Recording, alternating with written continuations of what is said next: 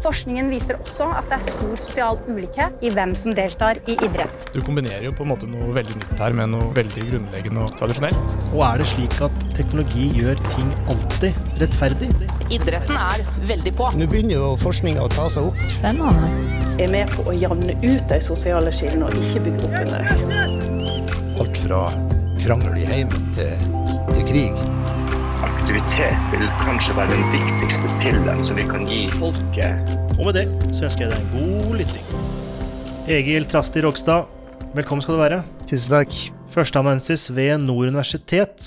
Kollega av Anne Kjøndal, slik jeg har forstått det. Ja, stemmer det. Og din veileder på din ph.d. Ja, det stemmer òg. Fikk jeg vite før start. Var han en god student, Anne? Ja, absolutt. Ja, men Du er ferdig med e-sporten Nei, eh, ferdig med e-sporten sin. eh, Ferdig med doktorgraden din? Ja, vi kom i mål. Disputerte i februar. Ja, nettopp, ja. Så det sier jo, det sier jo litt uh, at jeg er en god student når han har fått Ja. stilling som førsteamanuensis så fort. Det er helt sant. Vi ønsker selvfølgelig å bli litt bedre kjent med gjesten vår. Eh, Så hvis du kan si litt om deg sjøl med tanke på utdanning, jobb og forskningsfelt, Egil? Ja, jeg jobber som sagt som uh, førsteamanuensis nå. Eh, så har vært eh, ph.d.-student i sosiologi ved Nord universitet fra 2019 til frem til i februar, da. Har bakgrunn som journalist, sportsjournalist. Uh, Utdanna journalist også. Så det er vel sånn det har balla på seg med en ph.d.-grad etter hvert. Det har ikke vært noe sånn eh, mållagt løp. Eh, bare vært, alltid vært interessert i, i journalistikk som fag. Og så bygd på med mastergrad, og så når muligheten kom for en ph.d., så slang jeg meg litt sånn litt, litt på, for å si det sånn. eh, vært veldig artig, det. Eh, veldig spennende. Eh, få sjansen til å få lov å fordype seg litt i, i et fag over flere år. Det er ganske unikt eh, og privilegert posisjon å være i. Eh, så veldig, veldig glad for der jeg endte opp. Ikke sant? Vi, snakka litt før eh, vi starta i dag. Ja. Eh, Der du på en måte ja, Kanskje e-sport, jeg skal skrive om det. Kanskje Det var liksom ikke noe som lå langt framme i, eh, i hjernen din, det fikk jeg inntrykk av. Eh, Var det en stor omstilling fra journalist til e-sport? På en måte, ja. Samtidig så er det en god del eh, likheter. Eh, E-sport er i veldig stor grad digitalisert idrett eller sport. Eh, Det er mye medieelementer med. Det er jo ikke bare selve sportsutøvelsen e-sport er som det er minst like mye eh, streaming, eh, sosiale medier. Litt tvilsom wildcard tar veldig nytte av denne triple drag med Darius.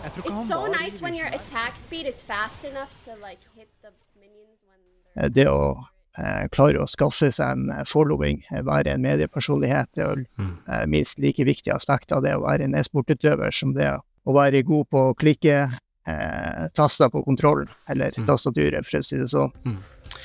Hensikten med alle disse episodene som eh, har en overordna tittel idrettsteknologi, er jo basert på boka di, Anne, eh, der eh, kapittel to handler om e-sport, der du har blitt hentet inn som en ekspert, Egil. Ja. Før vi på går inn på e-sport, eh, og litt av bakgrunnen hvorfor du valgte å inkludere dette her, Anne, eh, så vil jeg spørre deg, Egil. Hva, hva var din eh, oppfattelse av e-sport før du dykka hardt inn i dette her? Det var litt sånn fremmedfelt, samtidig som jeg i likhet med mange andre alltid har spilla spill. På lavere nivå, som sagt. Men alltid hadde en sånn fascinasjon for de som driver med dette profesjonelt. Mm. Kanskje aller mest den konkurransen, utbredelsen. Det er så utrolig mange som holder på med dette.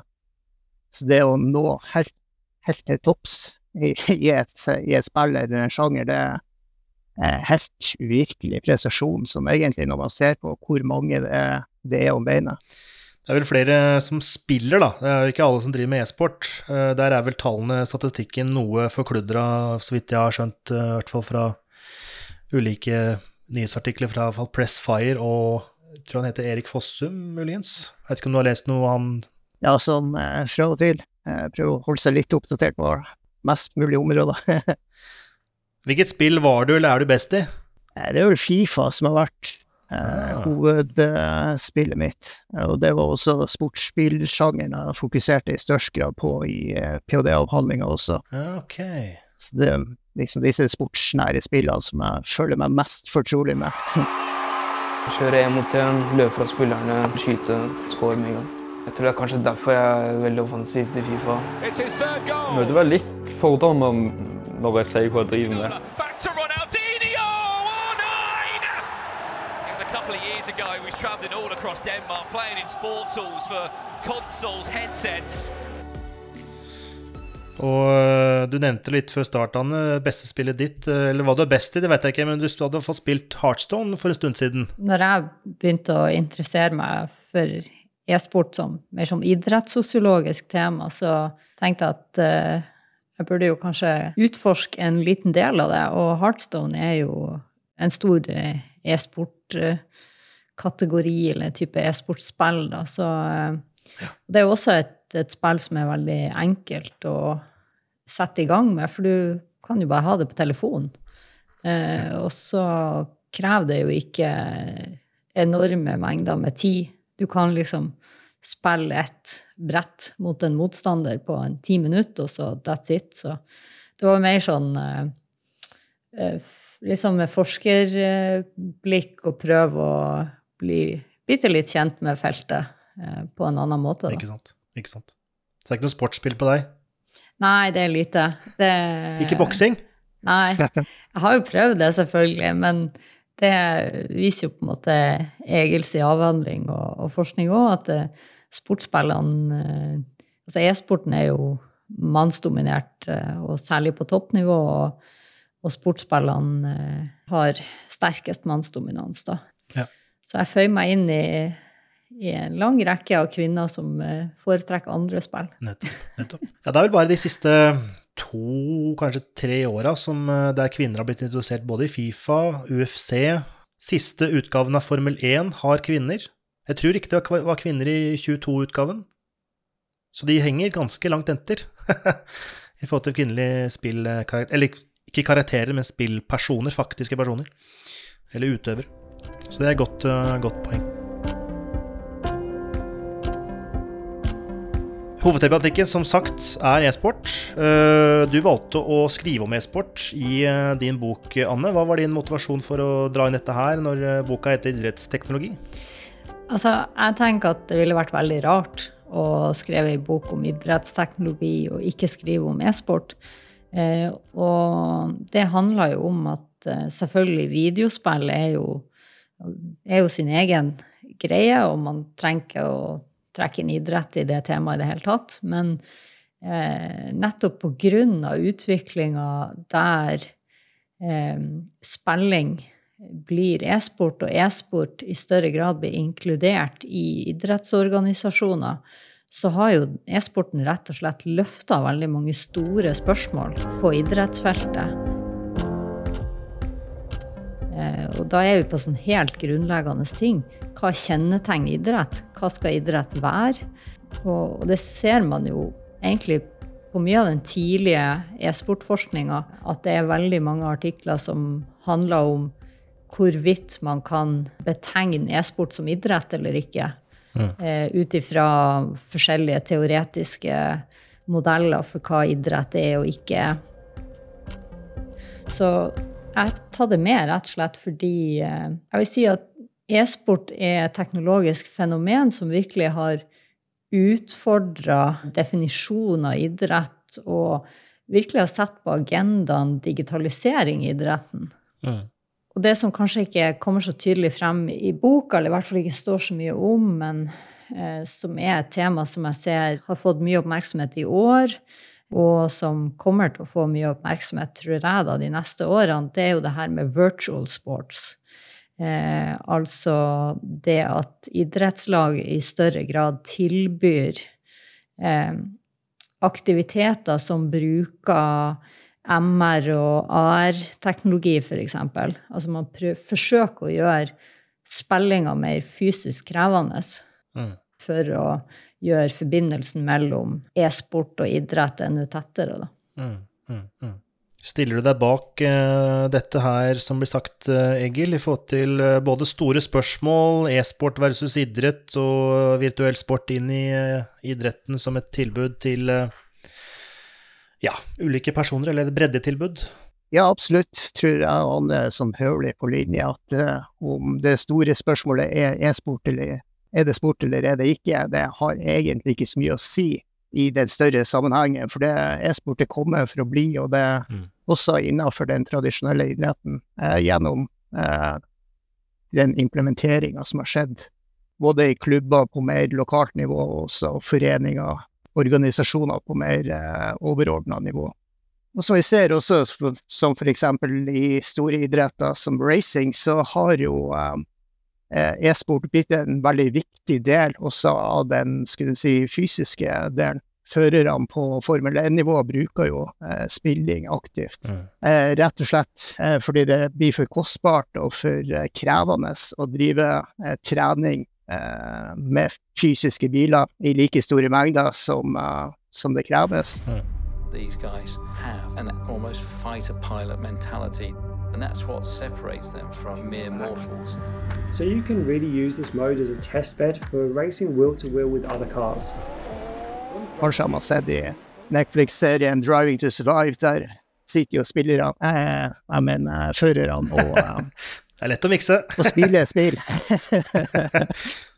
ja, det blir jo en og samme, men ja. ja. Så de spiller veldig mye, skal vi si, digitale versjoner av de samme, samme løypa for å bli kjent, med løypene, svingene, ikke sant, eh, taktikker, og planlegge der, derifra. Ja. Og så kom det vel en uh, nylig film som tok for seg Gran Turismo, et annet uh, bilspill. Uh, jeg har ikke sett den sjøl, jeg har bare hørt, sett traileren og hørt, eller snakk, eller lest litt om historien bak. Der det var spillere som spilte Gran Turismo, som ble hentet inn av et eller annet racinglag. Der de gjorde da disse Gran Turismo-spillerne om til faktisk kjørere. Har du hørt om det, Egil? Ja, det er ofte sånn rekrutteringa foregår nå også, at man ser eh, både på liksom faktiske resultater, men også på spillferdigheter til førere.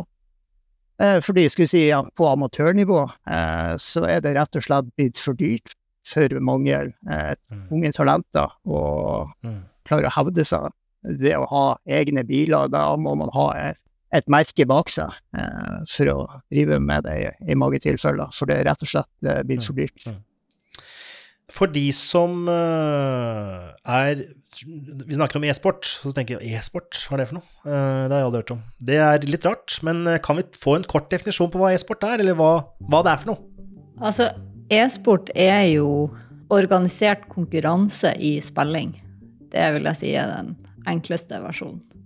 Så finnes det selvfølgelig mange, mange forskere som har definert eh, e-sport eh, med forskjellige nyanser, så Egil kan jo kanskje utbrodere litt om noen av forskjellene.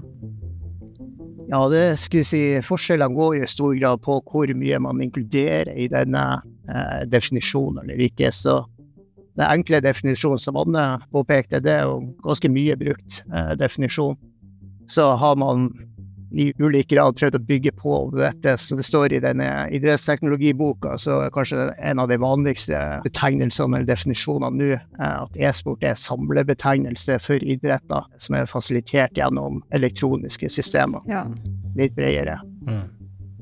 Så ser man jo på den eh, sportsbiten, eh, der jeg har brukt det meste av tida mi, så har jo IOC forsøkt å gjøre sine egne definisjoner for å gjøre e-sport mest mulig, skulle si, akseptert innenfor deres eh, idrettsverden. Eh, så de definerer i tillegg med virtuell sport, som da favner både ikke-fysiske virtuell sport, som de kaller det. Eh, det er jo disse typiske sportsspillene eh, der man ikke bruker kroppen, men vanlige kontrollere, som f.eks. Fifa, NBA 2K eh, osv.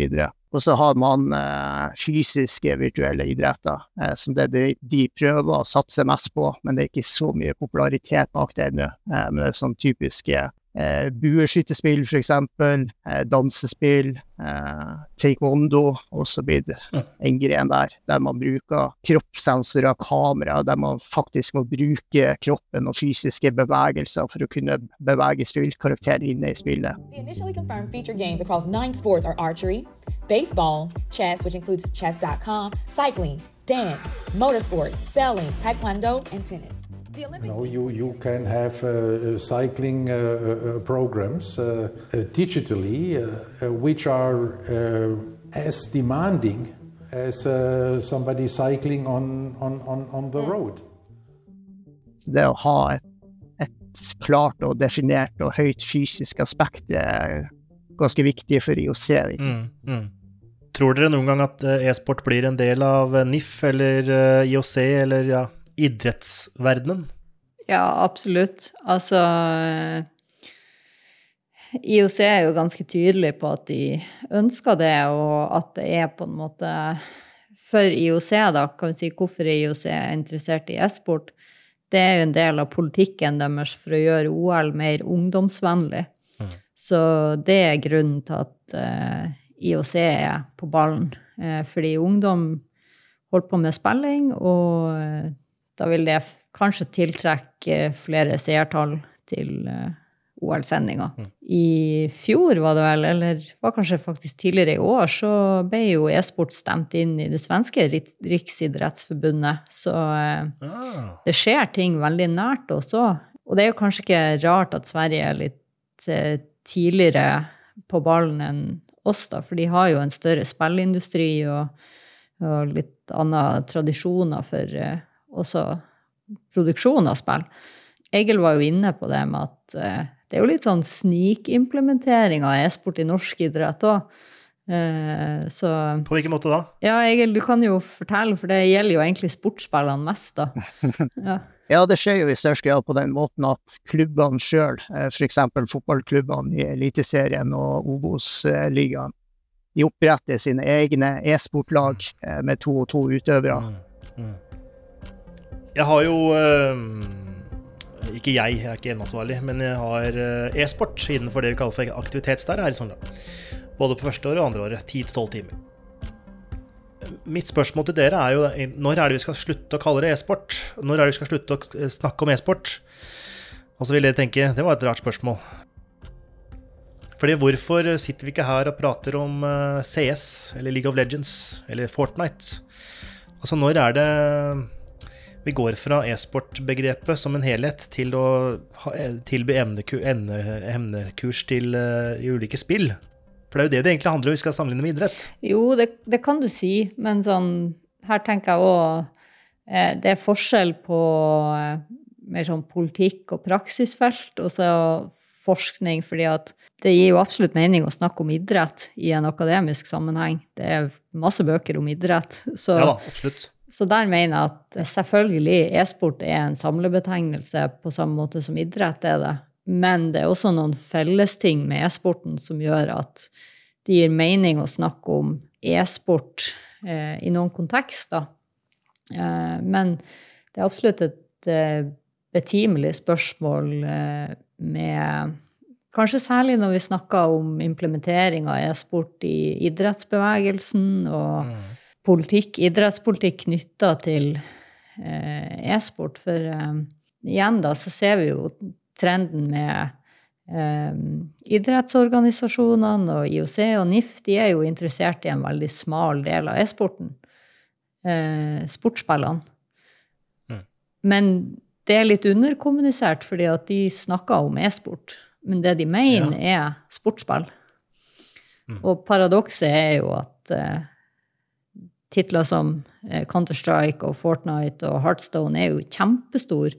Og så er det vanskelig å mene om, konkret om hvilke spillsjangre og titler som er de største og mest populære. I hvert fall når du leser forskninga, så eh, vet Egil har vært borti det med sportsspillene, at du kan se alt ifra at det er en av de minst populære spillsjangrene til at det er en av de mest populære. Så Mm. eh, Det er veldig, veldig avhengig av verdensdel, har jeg fått inntrykk av. Ja. At det er, Europa er sportsspillene mye populærere enn f.eks. Asia.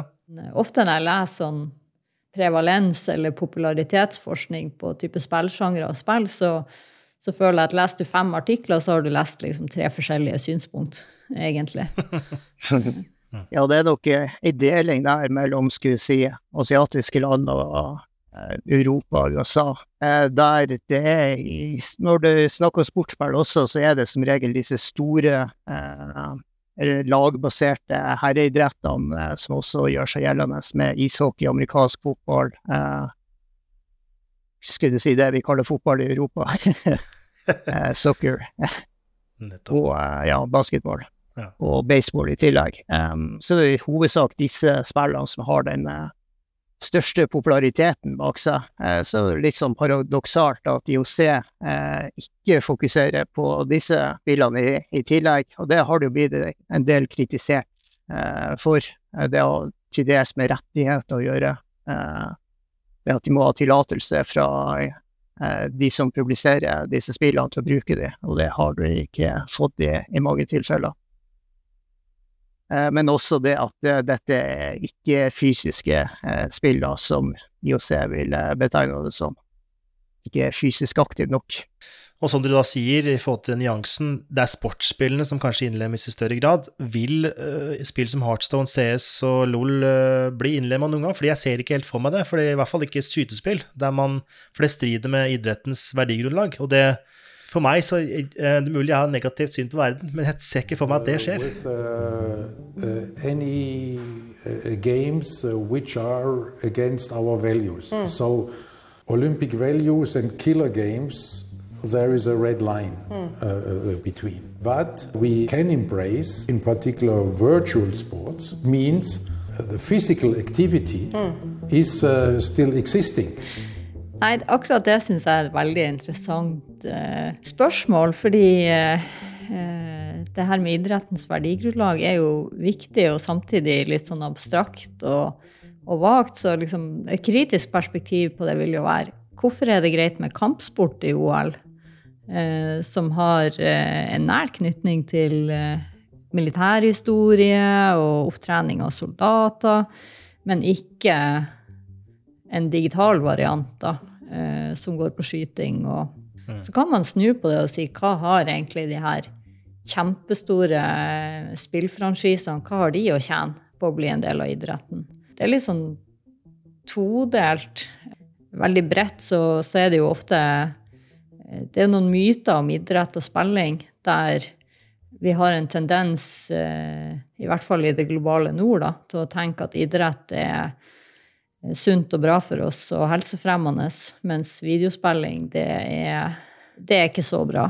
Da blir vi inaktive og late, og vi blir asosiale. Og, og, begge de her to tingene er jo myter, men eh, de påvirker jo fortsatt diskursen om både mm. idrett mm. og e-sport. da. Ja, det er helt klart. Det er kanskje nettopp dette organiseringsaspektet eh, som er mest fraværet mens e-sport, at det er ingen, som oftest ingen store organisasjoner som eh, klubber, lag, spillere er underlagt under. Dermed har det ikke sånne eh, systemer, rutiner på plass. Trenere, lag, fysiske lagkamerater og stipender. Men rent sånn, skulle si, dagligdags, så, så det er ikke nødvendigvis inn i disse trange rammene man vil komme.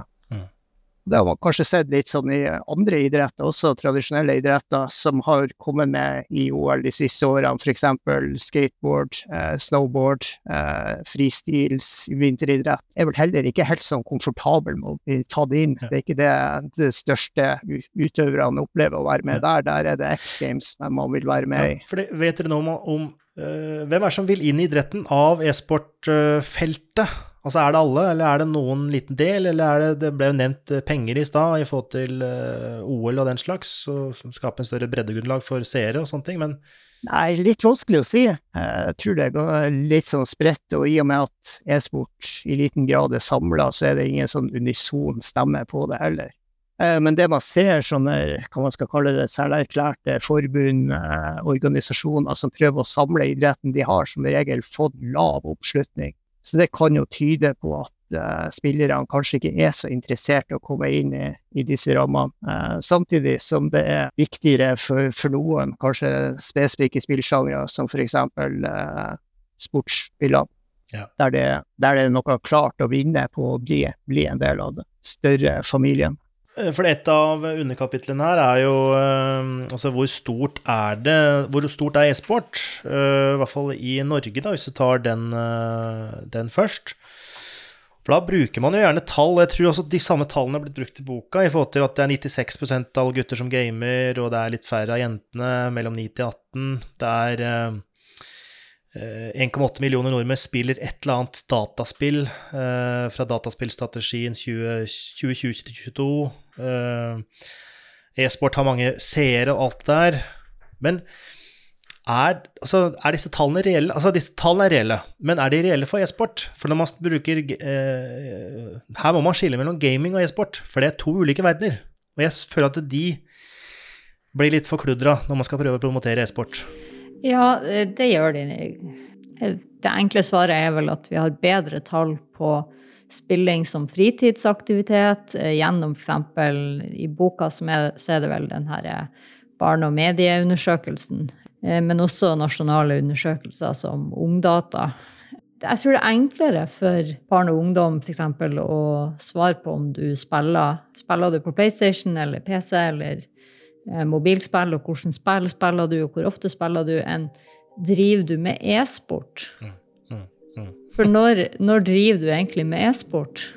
Ja. Eh, hvis det bare er å konkurrere, som de enkle definisjonene er, så, så er det ganske mange som driver med e-sport. Eh, gjennom å melde seg på, bli med online og konkurrere med noen andre hjemme fra stua, uten at du kanskje tenker at du er en e-sportutøver. Hva tenker du, Egil? Hva, hvis, hvis, jeg ber nå hvem Altså, du må nå definere e-sport. Hvem er det som driver med e-sport her i Norge eller verden?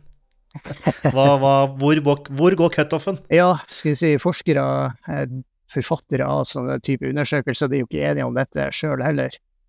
I en norsk kontekst så blir det vanskeligere igjen, for det det rett og slett det er mindre penger å tjene på det, det er færre konkurranser osv. Så, videre. så man kan være på et ganske høyt nivå uten å tjene noe som helst, egentlig, eller lite og ingenting. Så klarer man å slå igjennom litt, og så får seg en kontrakt i utlandet. Litt sånn samme i fotball, skal du bli rik, så må du utenlands. så kan det gå ganske fort. Men e-sport i Norge er vel for så vidt ganske lite eh, ennå. Nei, og Der kommer jo kanskje det vanskelige med å overføre det her til en norsk kontekst, om du, er, du må være profesjonell for å være e-sportutøver. Fordi vi har jo e-sportlinja på videregående skole. Eh, vi har Good Game-ligaen, som jeg vil si semiprofesjonell for mange lag, og noen hobbylag òg. Det blir liksom kanskje ikke helt rett bilde heller i, i den norske konteksten å si at uh, hvis ikke du er profesjonell, så da holder du bare på med spilling. Uten at uh, Det er jo lite forskning på f.eks. For de her e-sportlinjene på, på, videregående skole, men uh, jeg vil jo tro at en del av de ungdommene som går der, vil si at de ja. driver på med e-sport. Ja. Jeg bruker en kilde, jeg vet ikke hvor kredibel den er, men som heter eSports Charts, eller eCharge. Og tidligere så har jeg bare søkt på hvor mange norske spillere er registrert til denne charten. Og da er det rundt en 1000 stykker. Og når jeg ser på da hvem er som, hvor, hvor mange av disse 1000 har tjent penger, og så er det da variasjon fra år til år, men da er det rundt en 100 stykker. Mm. Så hvis det er 1000, da, så er jo e-sport like stort som styrkeløft.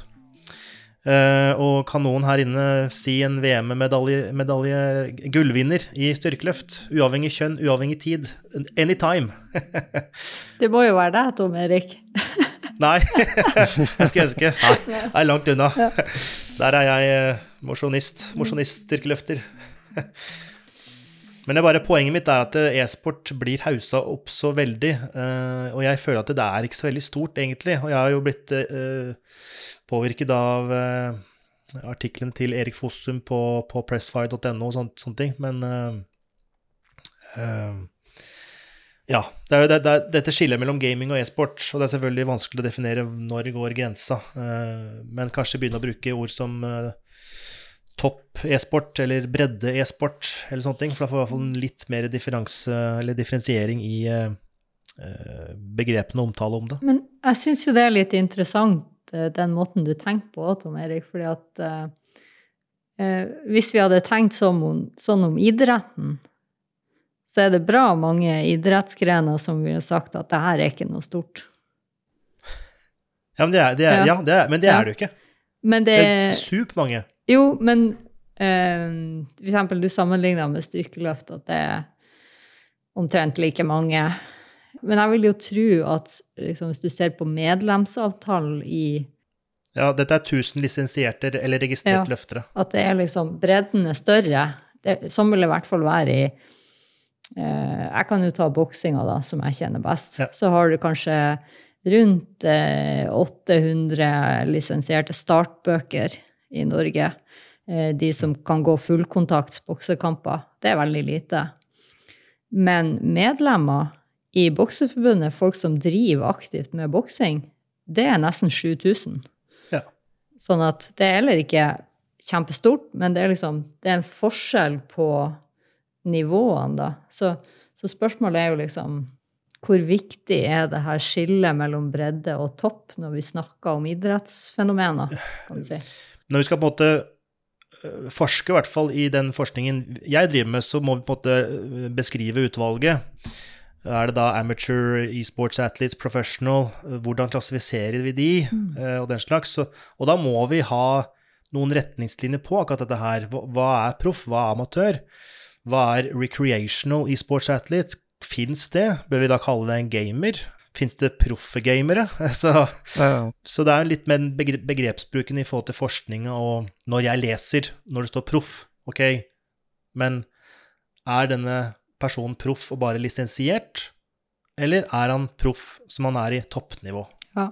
Ja. ja. Og det Det som er med e-sport Ja. Skulle bare følge på. eh, Det som er med e-sport, man trenger ikke lisens for å drive med e-sport. Det er vel det som er litt sånn Man har ikke det intensive, hvis man kan si det, eh, for å melde seg inn noen plass. Men eh, eneste man trenger eh, for å delta, det er å melde seg på en konkurranse. Eh, Fordi konkurransene er styrt av, i større eller mindre grad, produsenten bak spillene.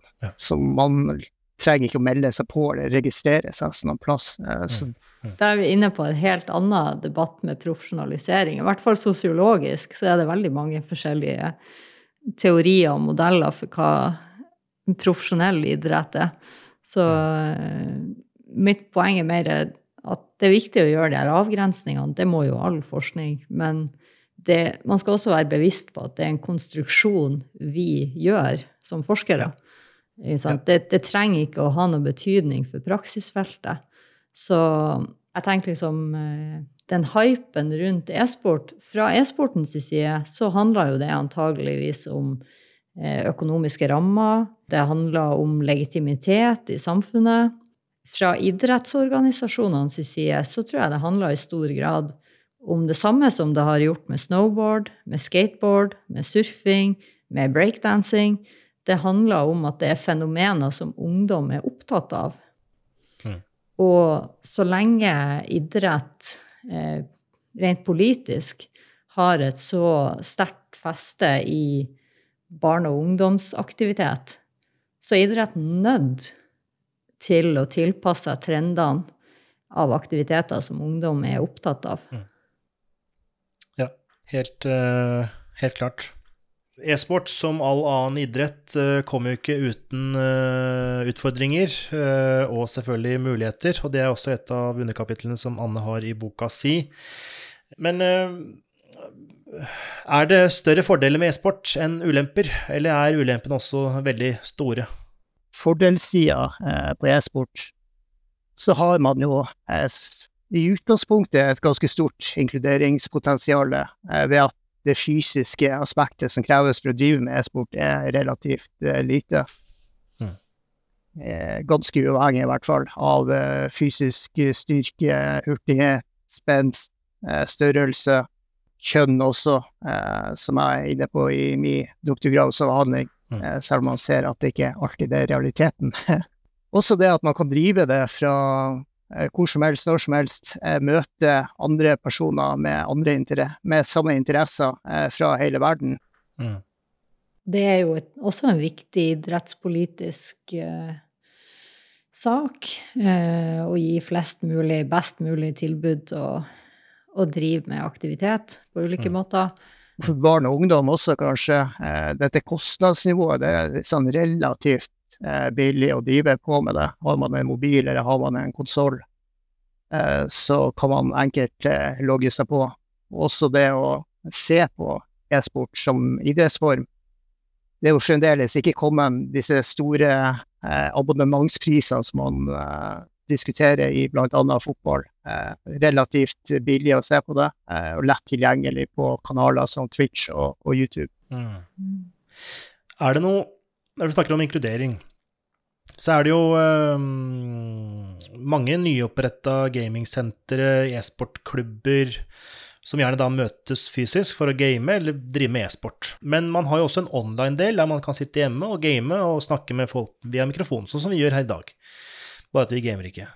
Er begge ting like sosialt eller inkluderende, eller er den fysiske dimensjonen fortsatt bedre? Det var jo eh, en historie som fikk mye medieoppmerksomhet eh, her i Norge for noen år siden om eh, en gutt som heter Mats, som var eh, sterkt funksjonshemma, og der foreldrene var veldig bekymra for at han brukte så mye tid foran PC-en og ned i kjelleren, og at han ikke fikk vært sosial. So when he passed away at the age of 25, his parents was in a deep sorrow. But then suddenly they began receiving emails from all over Europe uh, telling totally different stories about their son because he had lived an eventful life inside a game. For han så var det nettverket i spillet. Så, så for noen så, så tror jeg at det er like så sosialt og kanskje bedre, eller mer oppleves som tryggere og mer sosialt å, å interagere med andre over nett. For andre så vil det her fysiske holdepunktet være viktig. Og um, i idretten så snakker man jo ofte særlig om uh, f.eks. i fotball, da, de som uh, faller fra den tradisjonelle fotballen i løpet av tenårene. Trøkket begynner å bli større på prestasjon. Det er flere som har sett på benken eller ikke er gode nok for laget. Mm. Og klart, for en del av de ungdommene så kan kanskje det at man fysisk har et holdepunkt i klubben fortsatt, eh, gjennom et e-sporttilbud, være viktig. Mm.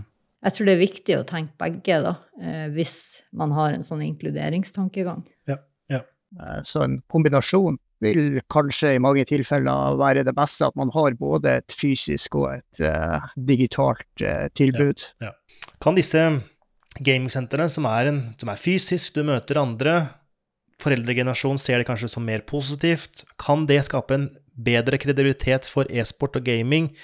Eh, Skape en slags bro av forståelse mellom foreldre og barn og unge?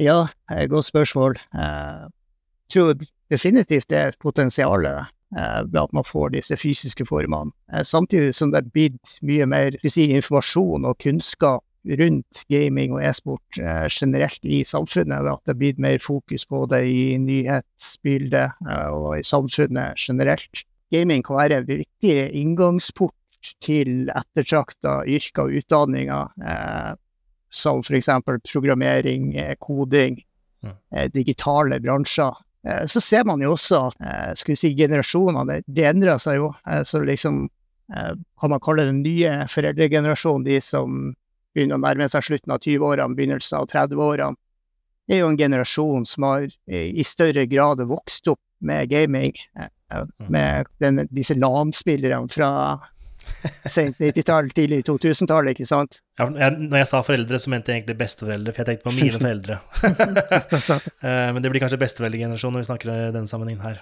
Hva tenker du, Anne? Jeg opplever jo at det er endring i eh, diskursen rundt spilling og e-sport. Som alt annet så, eh, så kan det jo bli for mye.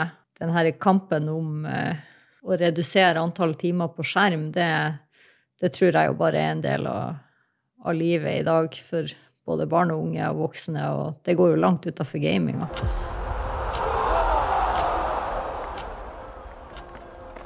Så det er jo mange positive aspekter med, e-sport.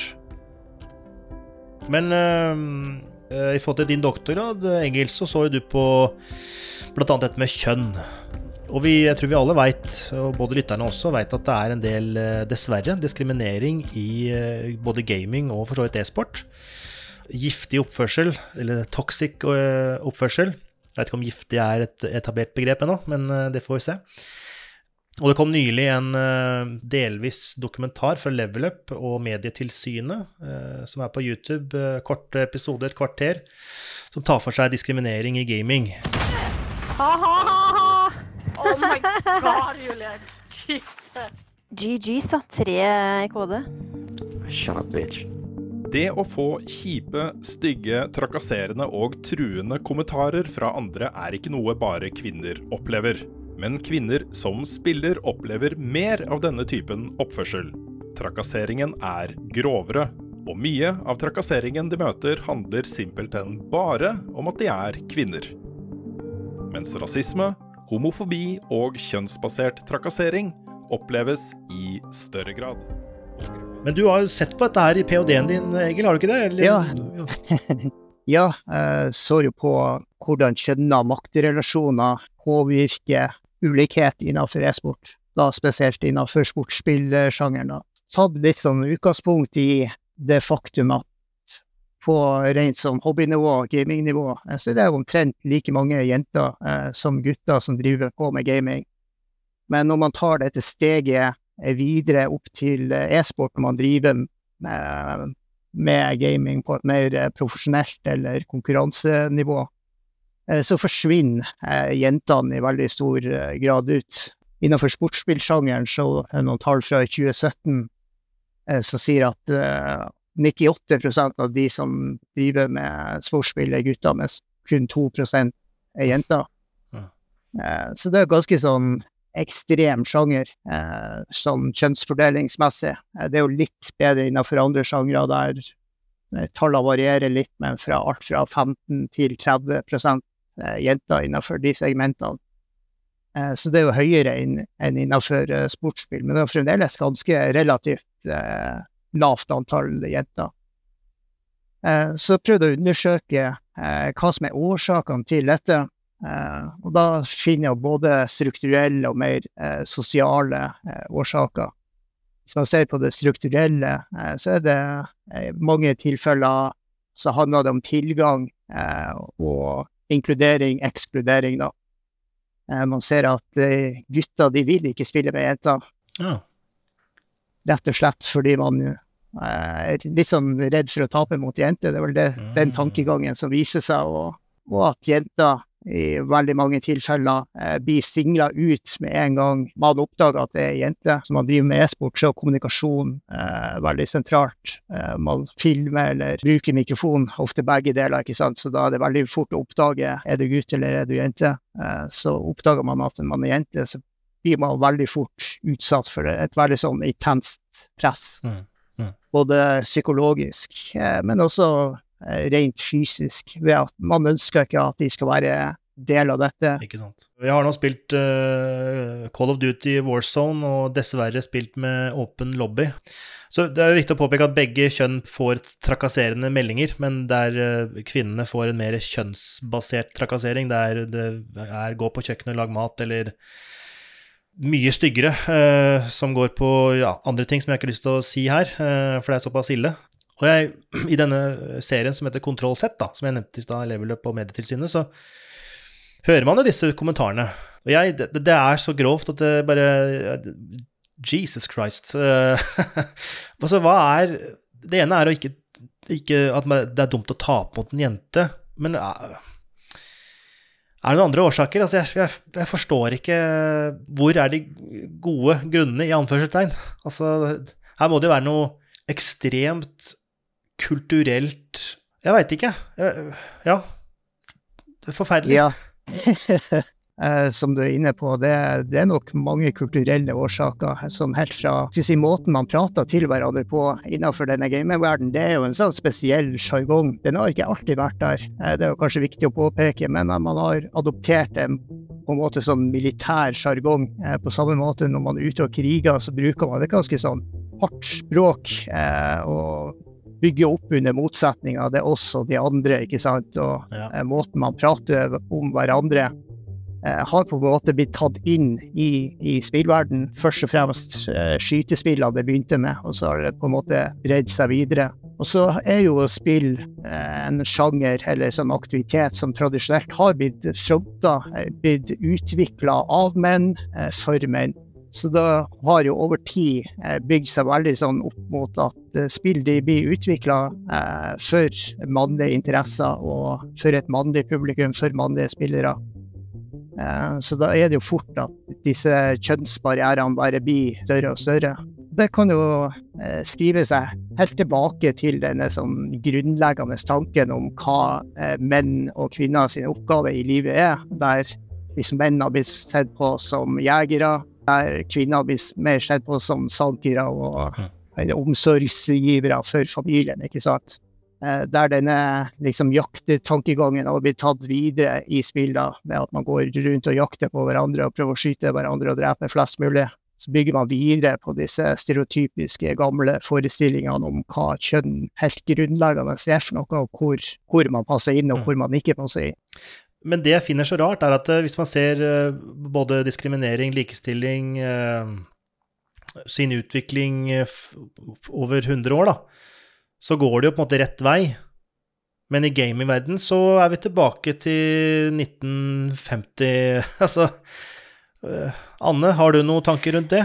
Ja, absolutt. Altså, jeg tror man må løfte her litt sånn opp på et høyere nivå for å forstå hvorfor det er sånn. Og eh, det er veldig bra at det er fokus på de her tingene i e-sporten og eh, betydningene av kjønn da, og kvinners barrierer og diskriminering. Eh, men jeg tror også mange tror at f.eks. idretten er mer likestilt enn den egentlig er. Eh, det, det her er er fortsatt et problem eh, i idretten også, og eh, kanskje særlig i, eh, i ledelse. Det er veldig synlig i e-sport av at du har de her kommentarene svart på hvitt i chatlogger og eh, over mikrofon. Eh, og der har det jo vært skrevet mye om at det, det kanskje handler om eh, anonymiteten med internett, og det at man ikke er ansikt til ansikt, og, eh, mens at den tar litt andre former i f.eks. idrettskontekster, da, mer subtilt, eh, tilbakeholding av informasjon, sånn, ja, det man kaller for tradisjonelle hersketeknikker. Da. Eh, så hvis vi tenker liksom mer på kjønnsdiskriminering på nett, da, så akkurat samme tendensene finner vi jo hvis kvinner uttaler seg eller skriver kronikker, eh, stiller opp som eksperter i media.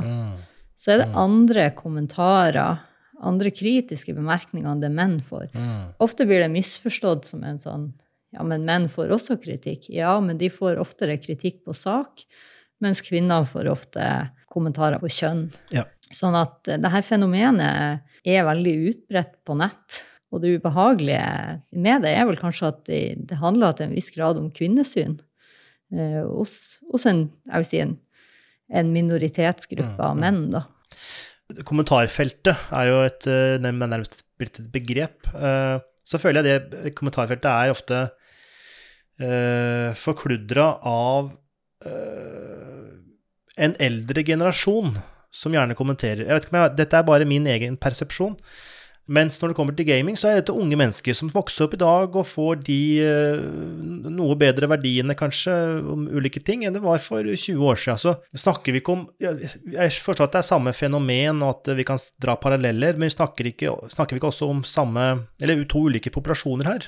Jo, det, det kan du si. Altså, det der er jo òg en litt sånn forenkling, for det er jo ikke bare gamle folk som Neida. kommenterer ting på nett, og det er ikke bare unge folk som gamer, men jeg, er med på liksom tankegangen. Hva, hvem er hovedpopulasjonen da, på de her feltene? Mm. Men eh, her er det jo kanskje en veldig kjent sosiolog som vi kan eh, eh, søke til, eh, Pierre, Pierre Bourdieu, eh, som har skrevet mye om ulikhet i samfunn. og et av hans hovedpoeng er at vi har en tendens til å tro at vi utvikler oss mer, at det er mer endring i samfunnet enn det egentlig er. Mm. Altså sånn her type holdninger er mer stabil enn det vi liker å tro. Mm. Sånn at denne argumentasjonen at eh, de gamle dinosaurene må bare dø, og så blir det bedre Dessverre, så enkelt er det ikke, altså. Jeg hadde en eh, praksisveileder som hadde en fin kommentar. Han sa 'de bakerste bussen får også unger'. altså for de som forstår, eh, forstår den kommentaren. Ja, og det her har jo vært veldig aktualisert i det siste med liksom den høyrepolitiske vinden i Ja, vi kan snakke om Europa, men også USA.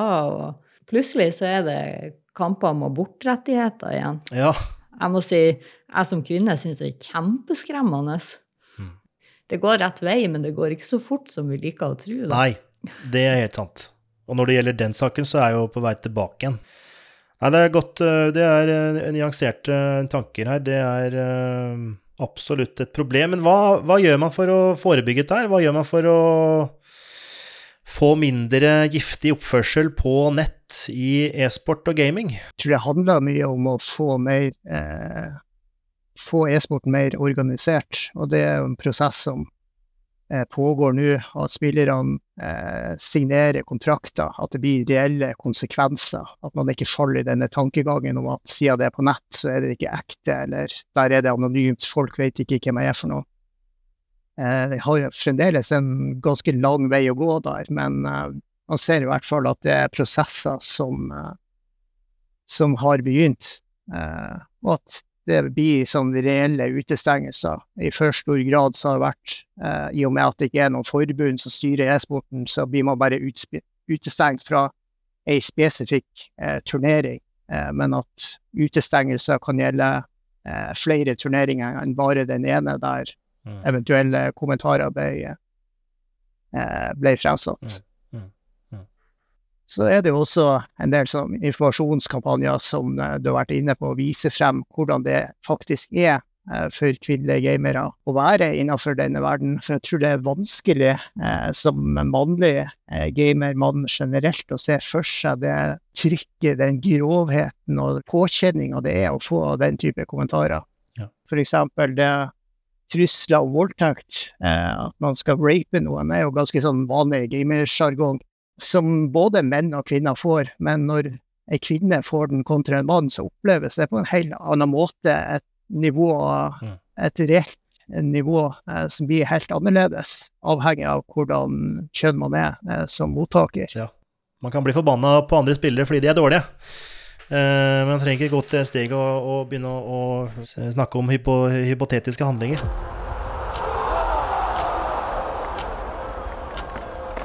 Ja, kanskje jeg tenker litt at er utfordringene som e-sporten står overfor, men det er viktig å ikke svartmale eh, helt.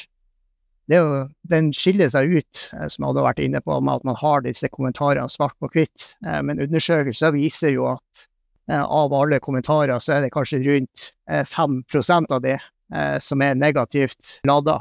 Mens i all hovedsak så er det jo nøytrale kommentarer som kommer. Så blir det sånn samme som kommentarfeltene på Facebook. At når det kommer negative kommentarer, så blir det De blir ofte veldig fremtredende, og det blir stått uimotsagt. Og så ser man jo at eh, til tross for alle disse utfordringene eh, som kvinnelige eh, e-sportsspillere møter, eh, så har man likevel noen eksempler på at kvinner har klart å gå helt til topps. De har blitt verdensmestere, de har vunnet store turneringer der både menn og kvinner har deltatt, der de har på tross av alle utfordringene klart å gå helt til topps. Og det er jo fremdeles et unikt aspekt eh, som er verdt å bygge videre på. Eh, for det er ikke sånn at e-sport er den eneste idretten der dette er mulig. Eh, man har en rekke andre aktiviteter, idretter, der det også burde være rom for det samme. Eh, F.eks. Eh, racingidrett, f.eks. dart, snooker, eh, skytesport. I utgangspunktet man skulle ikke se for seg noen fysiske forskjeller som gjør det umulig for kvinner å konkurrere i samme klasse som menn. Men likevel så, så skjer ikke det. Så man klarer jo på en måte noe i e-sporten som man ikke klarer i, i annen idrett. Det er et uh, siste aspekt som jeg har lyst til å løfte opp. Uh, det er mulig det er litt nisje, men jeg syns det er interessant. Uh, fordi vi har jo sammenlignet e-sport med idrett opp gjennom denne episoden her. Og så er det da noen diskusjoner som går på e-sportutøverens levealder. Så ikke hvor unge de er, men altså hvor lenge holder de på på toppnivå? Det er det som du sier, at det ikke er sånn helt gode tall på det, men det er jo det jeg har sett også, at gjennomsnittet er sånn to til tre år. Og det tror jeg har sammenheng med at det er veldig intense karrierer, eh, liv, eh, som disse gamerne lever mens de er på, er på topp. Eh, innenfor fys mer fysiske idretter, ikke sant? da har man et, en fys mer fysisk barriere, at det er begrensa hvor mange timer man klarer å trene i løpet av en dag. Mm. Eh, mens man i e-sporten har slitt mer med å få eh, gode nok rammer. Det blir mer sånn kvantitet over kvalitet i og med at det er så mange som konkurrerer i e-sport, så kan man ikke regne med at man klarer å hente inn nok inntekt på rene premiepenger. Man er nødt til å ha en following ved sida. Mm. Eh, så da blir det jo veldig intense uker og intense år. Som regel etter to-tre år så er man rett og slett utslitt, utbrent, har ikke mer å gi. Og det er jo noe som har blitt eh, litt mer fokus på de siste årene innenfor e-sport, at det, det, blir for mye. Man har en del selvmord på toppnivå. Oi. fysisk helse kommer mer i, i fokus. Mm. Men i forhold til, jeg, jeg, bare gjorde et regnestykke og tok da den største enden av skalaen, altså 80 timer med trening i uka. Eh, hvis man gjør det da i 45 uker i året, så er det 3600 timer eh, med trening for en e-sportutøver per år. Og så prøvde jeg å finne da, okay, hva er det vanlige idrettsutøvere ligger på. Og da tok jeg friidrett, fordi de har både langdistanseutholdenhet, og de har litt spyd, og de har ja, både styrke og utholdenhet. Da ligger snittet rundt 500 timer i året. Så er man da aktiv, da, uh, i 30 år, uh, så er jo det 15 000 timer. Og hvis man skal ha 15 000 timer med e-sport, så holder det ca. fire år. Jeg har jo tro på at man må redusere e-sportspillinga. Og så må man kanskje erstatte det med noe annet, om det er fysisk aktivitet som ligner på aktiviteten, om det er extra gaming. Om man klarer å bli like god, det veit jeg ikke. Men det er kanskje et spørsmål for en annen podkast. Ingen som har noe svar? jeg tenker at den problematikken der er jo reell. Man kan jo på en måte se på det som litt historisk. E-sport er nytt og mangler eh, styringsprinsipper og eh, organisering, og, og, det på en måte påvirker da rammevilkårene for de som holder på med det, og resultatet er at flere blir utbrent tidligere.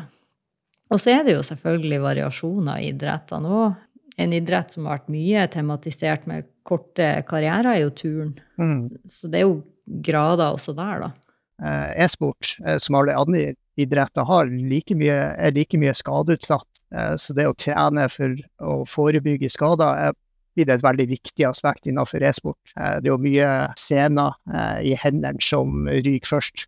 Sånn carpal mm. tunnel syndrome. Vet ikke hva det norske ordet for det er. Karpalsyndrom, eller Jeg tror det er ganske norsk, norsk Eller fornorska fra det engelske. Mm. Og det å generelt være i god form har absolutt en verdi også i konkurransesammenheng i e-sport, for det er jo ja. bedre trent man er, jo bedre konsentrasjonsevne har man. Og det er jo som du nevner, Anne, rent historisk så tror jeg eh, Langrenn også hadde jo veldig mange timer, altså 1000-1200 timer, men jeg, nå tror jeg snittet ligger mer på 700-800 timer. Og, og, man får dratt inn litt eh, treningslære med tanke på treningsplanlegging og sånne ting, tror jeg er lurt for en e-sportklubb og, og utøvere. Avslutningsvis, hvor er du å finne på den digitale eteren hvis eh, følgerne, lytterne våre ønsker å følge din virksomhet videre, og kanskje lese din doktorgrad? Ja, enn så lenge så er jeg inne på X slash eh, Twitter. Der tror jeg har Rogstad91 som uh, brukernavn. Uh, og så er det også på ResearchGate, antar jeg, hvis man vil gå litt hardere til verks. Ja, det var det. Da vil jeg takke for praten, Egil og Anne. Det er alltid en fornøyelse å ha med deg, Anne. Og eh, fint at vi fikk prate om e-sport. Noe jeg eh, kanskje ikke brenner for, men jeg syns det er veldig interessant, siden jeg har et, eh, et lite emnekurs i det. Så takk for det. Og er det slik at teknologi gjør ting alltid rettferdig.